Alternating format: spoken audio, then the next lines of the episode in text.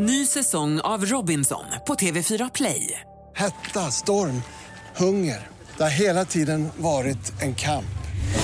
Nu är det blod och tårar. Fan händer just nu. Det. är Detta är inte okej. Robinson 2024, nu fucking kör vi! Streama söndag på TV4 Play. Podplay.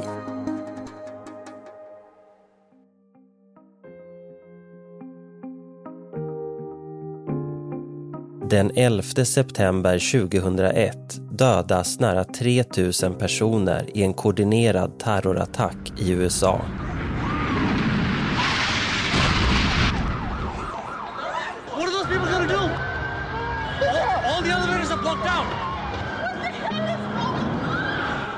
Det blir startskottet för supermaktens jakt på människor med koppling till terrornätverket al-Qaida. 22-årige svensken Mehdi Ghezali är en av dem som grips. Han hamnar i det ökända amerikanska fånglägret Guantanamo Bay. De fick sitta fastkedjade i, ibland i stark värme och ibland i kyla också. Men varför gör politikerna inte mer för att få hem en svensk medborgare som utsätts för tortyrliknande förhörsmetoder?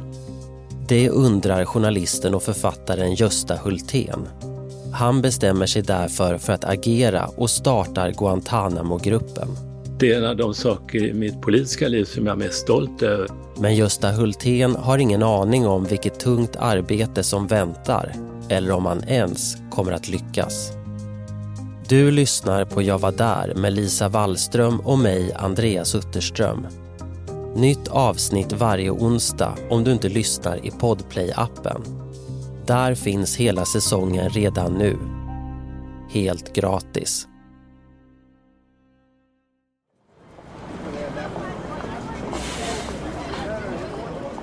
Klockan är 8.46 på morgonen lokal tid den 11 september 2001. Det är en till synes vanlig höstdag och många New York-bor är på väg till jobbet. Då flyger ett stort passagerarflygplan rakt in i det nordligaste av tvillingtornen i World Trade Center på Manhattan. A plane just What? It's a 737. It what? The World Trade Who are you talking to? Oh, God. Oh, my God. Många tror först att det är en olycka, men 18 minuter senare händer samma sak igen. I direktsändning rammar ett annat flygplan rakt in i World Trade Centers södra torn. Nu inser alla att det här inte är en olyckshändelse utan att det handlar om terrorism.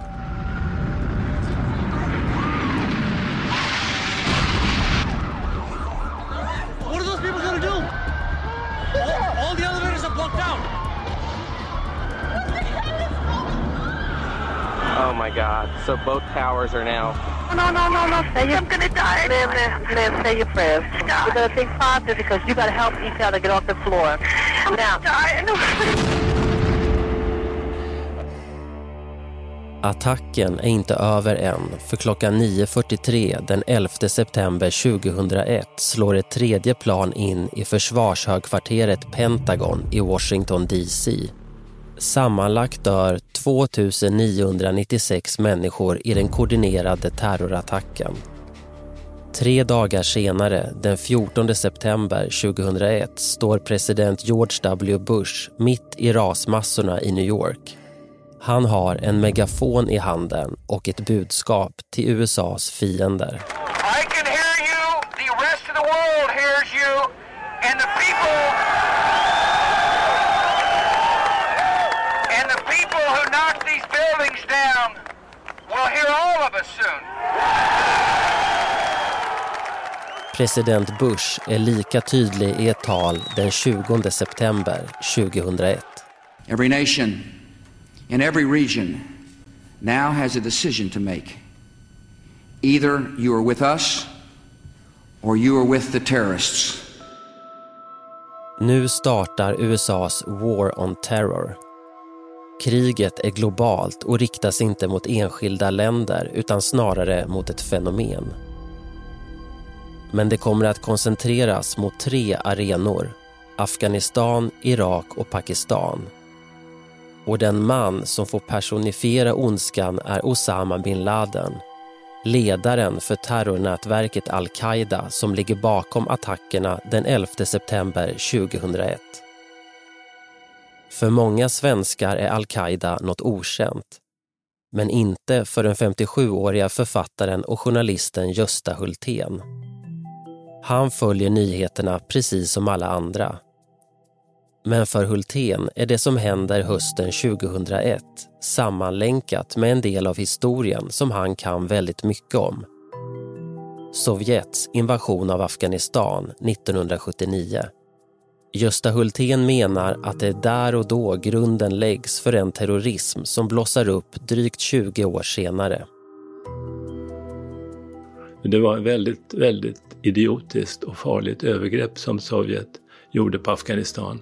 Och det ledde ju i sin tur till att eh, talibanerna bildades. Det ledde till att eh, USA gick in i Afghanistan och sedan i Irak också.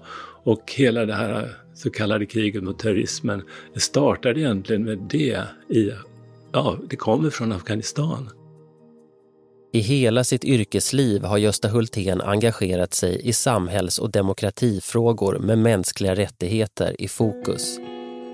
Han har skrivit åtskilliga texter och flera böcker i ämnet. Under 1980-talet arbetar Gösta Hultén som reporter i och kring Pakistan och bevakar Sovjets krig i Afghanistan. 1980 är han med och grundar föreningen Svenska Afghanistankommittén. Målet är enkelt att sammanfatta.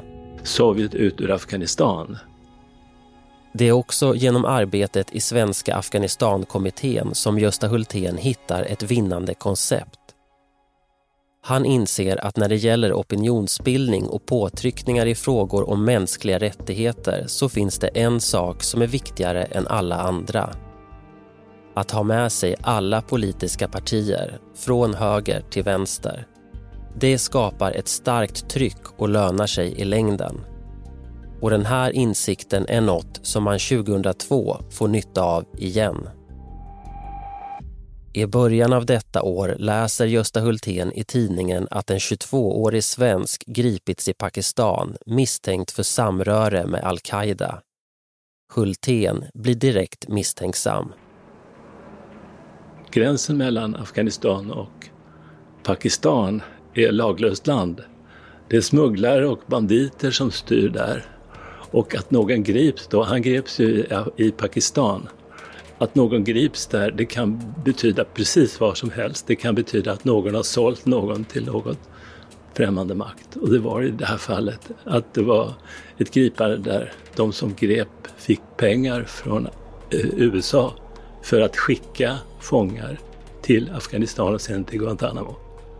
Så att, att det var det att jag kände till eh, trakten och landet från min rapportering som gjorde att jag reagerade på nyheten att en svensk al-Qaida-medlem, stod det i tidningarna då, hade gripits i Pakistan.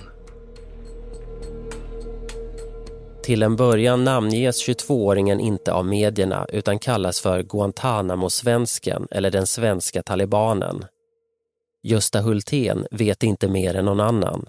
Men det spelar ingen roll, för Hultén tänker att den unge mannen gripits i ett område där inga mänskliga rättigheter gäller. Och där man kunde gripa oskyldiga precis på vilka skäl som helst. Och eh, därför tänkte jag från början att det här är något skumt. Och sen de här självsäkra yttrandena från UD då, att han var al-Qaida och eh, det gjorde att jag blev misstänksam, mera misstänksam. Men vem är då den 22-årige svensken som gripits? Jo, han heter Mehdi Ghezali och har en mamma som kommer från Finland och en pappa med ursprung i Algeriet. När Mehdi Ghezali går på lågstadiet skiljer sig föräldrarna och han flyttar då till Örebro tillsammans med sin pappa. Ja, alltså han, han började med fotbollsdrömmar. Han spelade för Örebro i SK heter de väl. Och var ganska duktig back. Mehdi Ghezalis tonårstid är stökig. Sommaren 1999 åker han 20 år gammal till Portugal på solsemester tillsammans med en kompis. Men resan slutar i kaos. Killarna grips av polis, anklagas för stöld och hamnar i portugisiskt häkte. Och där skickade hans pappa honom ett ex av Koranen. Han tog fasta på att, eh, vad som stod där om, om eh, människas liv, vad man ska göra med sitt liv och eh, att han blev troende muslim då i Portugal. Och eh, det är han ju fortfarande. Misstankarna mot Mehdi Ghezali och hans kompis leder inte till något åtal. Efter nästan ett år i häkte släpps de. Då för Mehdi Ghezalis nyväckta tro honom ut på nya resor, till exempel till Pakistan. Det var ju för att han ville verkligen studera islam mer. Och eh, att han eh, blev omvänd, alltså att han är en troende muslim. Han är inte terrorist, han är inte islamist än, men han är en troende muslim och det får man vara alltså i Sverige. Vi har religionsfrihet. I december 2021 grips Mehdi Ghezali av lokala krigsherrar i Pakistan som överlämnar honom till amerikansk militär. Han misstänks för samröre med al-Qaida.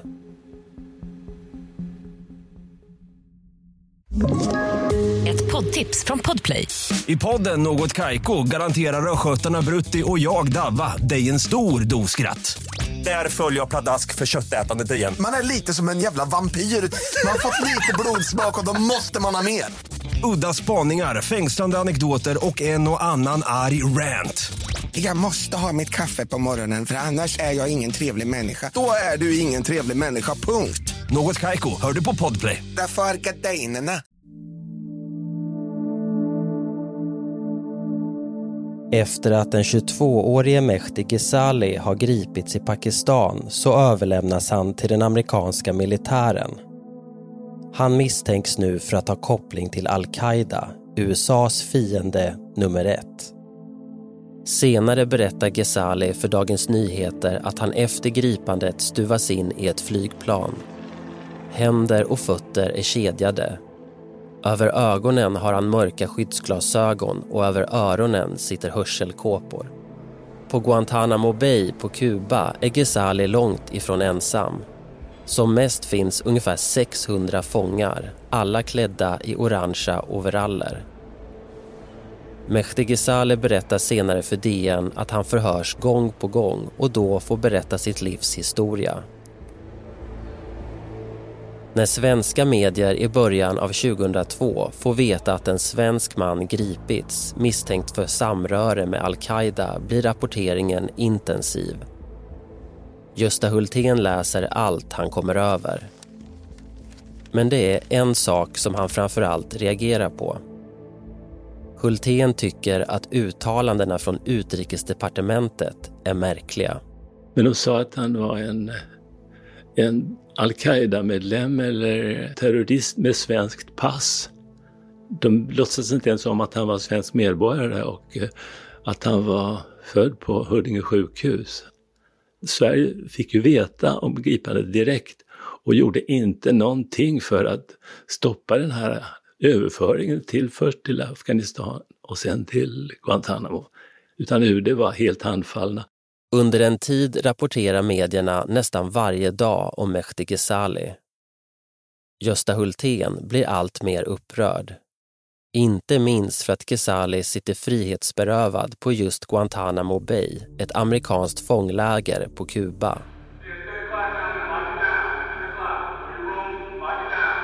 Fångarna där kallas illegala kombatanter och deras rättsliga skydd är svagt. USA menar att landets lagar inte gäller där på samma sätt. Många kommer att sitta inlåsta på Gitmo, som lägret kallas, i flera år. Senare får USA också skarp kritik för hårda förhörsmetoder med bland annat sömnstörningar, hög musik och krav om att klä av sig naken. Mehdi Ghezali berättar senare för DN att han under våren eller i början av sommaren 2002 har tröttnat på att under ett halvår ha svarat på samma frågor. Så han bestämmer sig för att hålla tyst i förhören. Jag svarar inte ens ja eller nej. De blev mycket arga. Jag fick inte längre några brev hemifrån. Ibland blev jag isolerad, berättar Mehdi Ghezali för DN. Han säger också att han aldrig får veta vilka misstankar som riktas mot honom. Om Mehdi Ghezali är skyldig eller oskyldig är det ingen som vet. Men för Gösta Hultén handlar det här om något annat. Principen. Ingen ska låsas in utan att få veta varför och alla förtjänar att bli humant behandlade, menar han. Så nu är Gösta Hultén riktigt upprörd. Och då gör han som han brukar, engagerar sig. 2003 grundar han den tvärpolitiska föreningen Guantanamo-gruppen. Syftet är att väcka opinion, att få svenska folket med sig i kampen för Mehdi Ghezalis frigivning. Den första Gösta Hultén kontaktar är en person som både är känd brottmålsadvokat och riksdagsledamot för Kristdemokraterna. Jag pratade med Peter Altin då, som var KD och duktig advokat och advokat som ställde upp gratis för att försöka få honom fri från Guantanamo. Därefter tar Gösta Hultén kontakt med övriga riksdagspartier. Att alla är med på tåget är helt avgörande. Och det innebar ju att eh, liksom det kändes som det var Sveriges eh, åtagande att försöka påtala övergreppet, att eh, fängsla utan, utan misstanke om brott och utan anklagelser folk från hela världen och föra dem till en annan del av världen, alltså från Afghanistan och Pakistan till Kuba och Guantanamo-basen. Ett helt absurd tanke alltså och dessutom att det var ett liksom, extremt och historiskt övergrepp mot mänskliga rättigheter, Guantanamo. I dagens polariserade klimat är det kanske svårt att tänka sig den här typen av tvärpolitisk grupp i Sverige. Men 2003, efter mer än ett års rapportering om tortyrliknande förhörsmetoder på Guantanamo Bay har den politiska viljan växt. Henrik von Sydow från Moderaterna, Gustaf Fridolin, Miljöpartiet, Marianne Eriksson, Vänsterpartiet och Anders Ygeman, Socialdemokraterna, väljs in i den första styrelsen. Även Erik Ullenhag från Folkpartiet, nuvarande Liberalerna, finns med i Guantanamo-gruppen. Av politikerna var det nog Henrik von Sydow och Gustaf Fridolin som, de var ju liksom olika block då, men det var de som var mest aktiva på styrelsemötena. Sen var det ju Peter Altin som hade den insynen och hade, han var i en ställning som advokat och han åtog sig frivilligt och utan ersättning att arbeta för Medicitalis frigivande. Så att han hade ju stor betydelse för att eh, skapa opinion för hans frigivande. Alla i gruppen inser att det här handlar om långsiktigt arbete och att man måste agera på flera fronter. Dels genom att få ut sitt budskap i media, dels genom att utöva påtryckningar bakom kulisserna. Till exempel genom att träffa utrikesministern. Vi träffade ju både Anna Lind och eh, och andra på UD. Framförallt Anna Lind svängde, tyckte vi, Alltså hon var från början ganska kallsinnig. Men hon, hon medgav ju även för oss då att UD har gjort misstag att inte ingripa från början. Och eh, vi träffade ju rättschefen på UD och, och, vi var många gånger på UD och försökte förklara att det här måste Sverige reagera mot. Samtidigt fortsätter Mehdi Ghezali sin linje att inte svara på frågor vid förhör. För att fördriva tiden i fångenskap läser han Koranen på arabiska.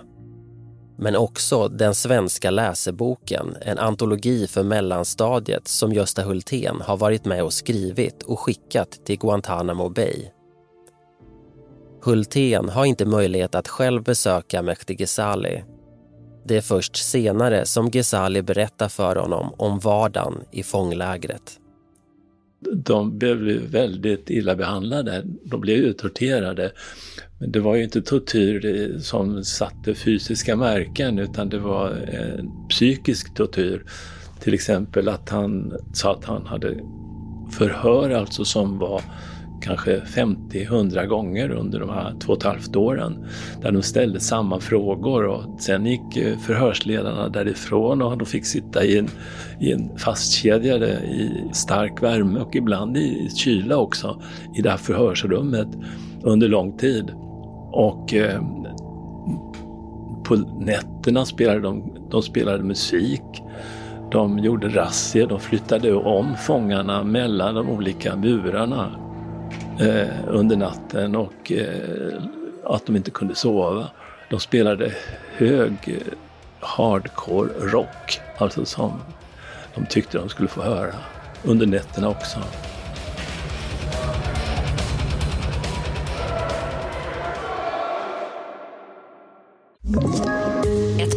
Poddtips från Podplay. I podden Något Kaiko garanterar östgötarna Brutti och jag, Davva, dig en stor dos skratt. Där följer jag pladask för köttätandet igen. Man är lite som en jävla vampyr. Man har fått lite blodsmak och då måste man ha mer. Udda spaningar, fängslande anekdoter och en och annan arg rant.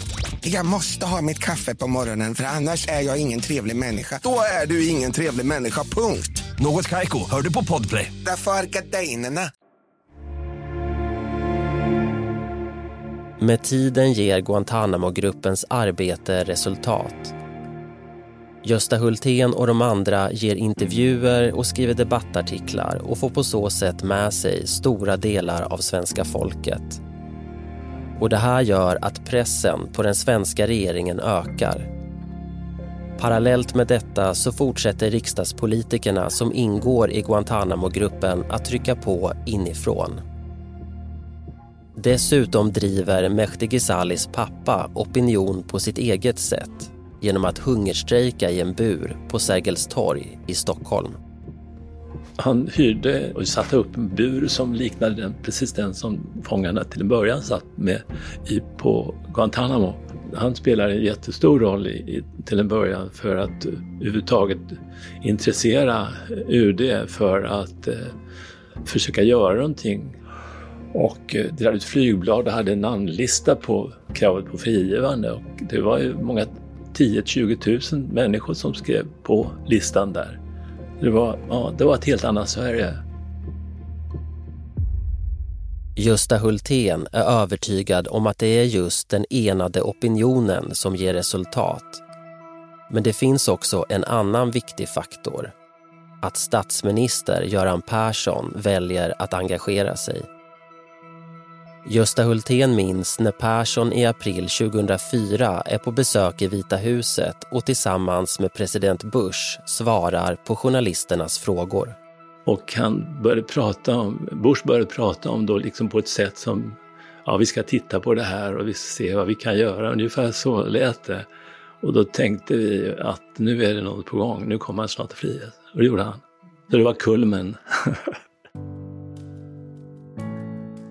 Den 8 juli 2004, tre månader efter att Persson och Bush samtalat i ovala rummet så friges Mehdi Ghezali. Han har då suttit inlåst på Guantanamo Bay i 930 dagar utan att ha ställts inför rätta. Efteråt får Gösta Hultén genom Mehdi Ghezali veta vad som händer precis innan frigivningen. Han fick ju skriva under ett ett avtal kan man säga själv då. Där det stod att han skulle inte återgå till terrorism och att han skulle inte motarbeta, exakt kommer jag inte ihåg vad det stod, men det var att han skulle inte motarbeta USAs utrikespolitiska och säkerhetspolitiska intressen. Så det fick han skriva under innan han frigavs. Exakt vad som sker bakom kulisserna i förhandlingarna mellan USA och Sverige är det få som vet. Men en artikel i Dagens Nyheter den 9 juli 2004 ger en fingervisning. Där berättar en högt uppsatt tjänsteman vid det amerikanska utrikesdepartementet att USA har fått vissa garantier av Sverige. Om Mehdi Ghezali säger tjänstemannen så här. Vi känner oss tillräckligt trygga med de svenska garantierna för att skicka hem honom. Men vi har fortfarande frågor kring eh, inte bara hans förflutna aktiviteter utan också hans framtida avsikter. Men nu är detta ett ansvar för Sverige. När DN frågar om USA skulle ha släppt Ghezali utan de här garantierna svarar tjänstemannen nej. Efter Mehdi Ghezalis hemkomst hålls en presskonferens den 16 juli 2004. Framme vid bordet där alla mikrofoner står sitter fyra personer. Riksdagsledamot Peter Altin och Gösta Hultén från Guantanamo-gruppen liksom Mehdi Ghezali och hans pappa. Den nu frigivne 25-åringen har långt lockigt hår och en svart keps på huvudet. Blicken är tom och han är fåordig men säger att han är oskyldig och tar avstånd från terrorism. Efter presskonferensen får Mehdi Ghezali hjälp av Guantanamo-gruppen att gömma sig på hemlig ort. I samband med frigivningen ger Gösta Hultén en intervju till Sveriges Radio och säger så här om Mehdi Ghezali. Han är inte hotad personligen eller till livet. Men det har kommit en mängd e-post till oss och andra som arbetat för honom. I de breven ondgör man sig över kostnaderna för att ta hem honom.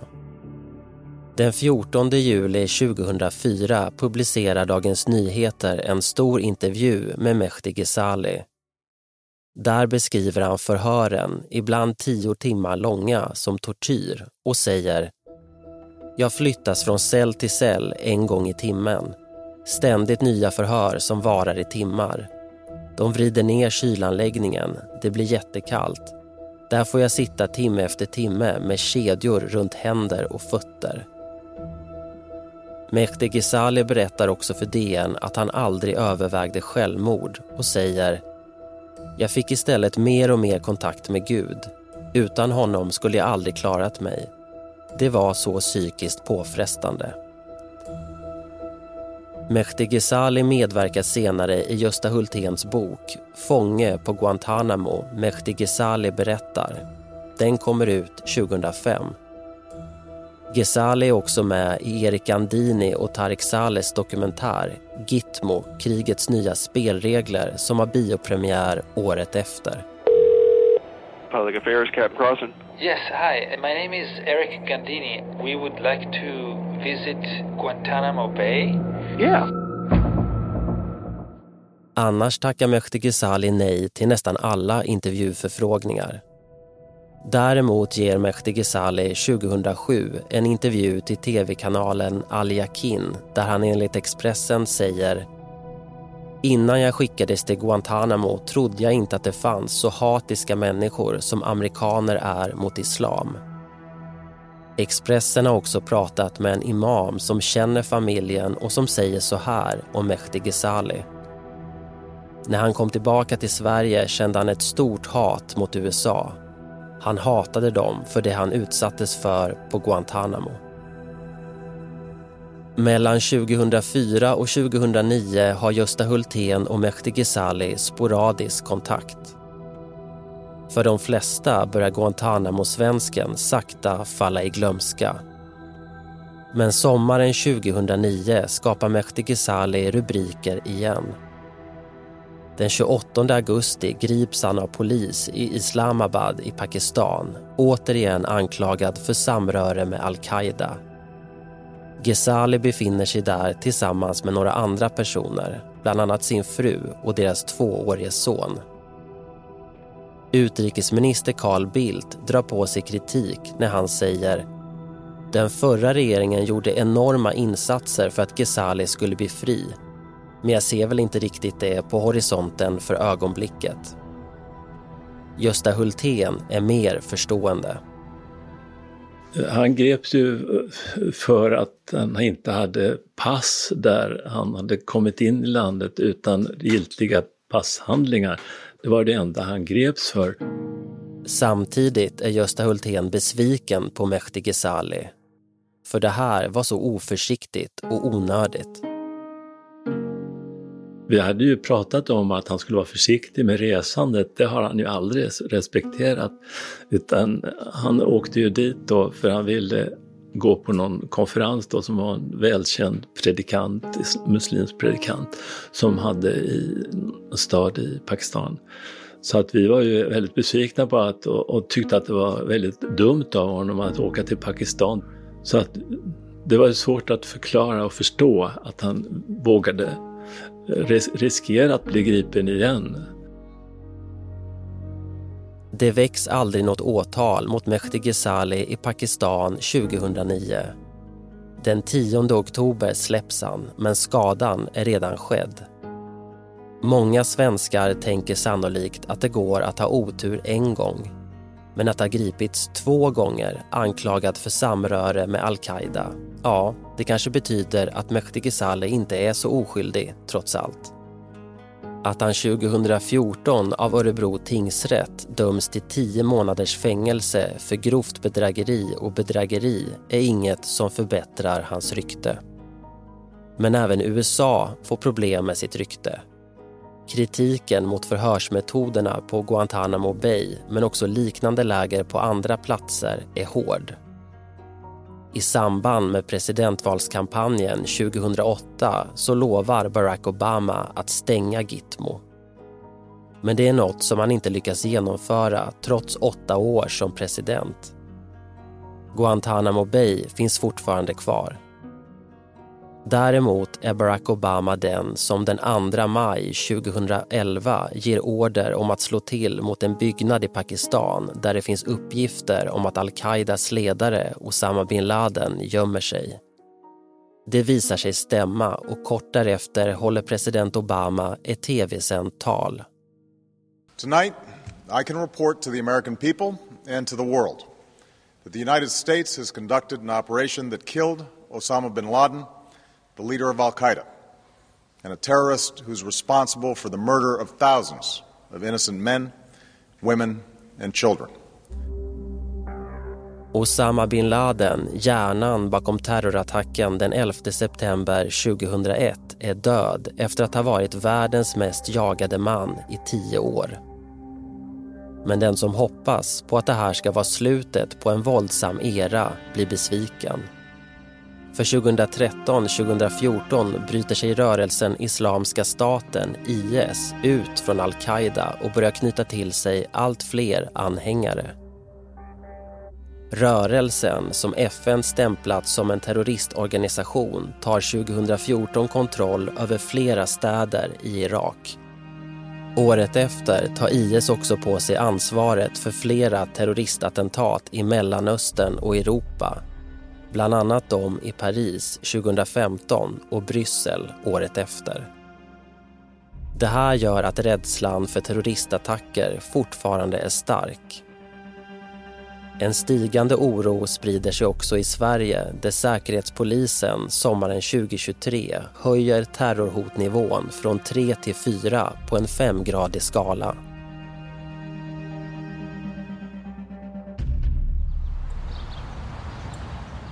Det har nu gått 19 år sedan den idag 44-åriga Mehdi Ghezali släpptes från Gitmo. Guantanamo-gruppens grundare Gösta Hultén har sporadisk kontakt med Ghezali och berättar att den tidigare fången idag lever ett vanligt familjeliv. Själv är Gösta Hultén idag 78 år gammal och pensionär han har en produktiv karriär som journalist och författare bakom sig men Guantanamo-gruppens arbete är något som han är extra stolt över. För Gösta Hultén handlar det aldrig om huruvida Mehdi Ghezali var skyldig eller oskyldig utan om något som för honom är ännu viktigare. Principen. Gösta Hultén menar att ingen förtjänar att behandlas på samma sätt som fångarna på Guantanamo Bay. Och jag tycker att det är en av de saker i mitt politiska liv som jag är mest stolt över, att vi lyckades fria Mehdi Ghezali från Guantánamo.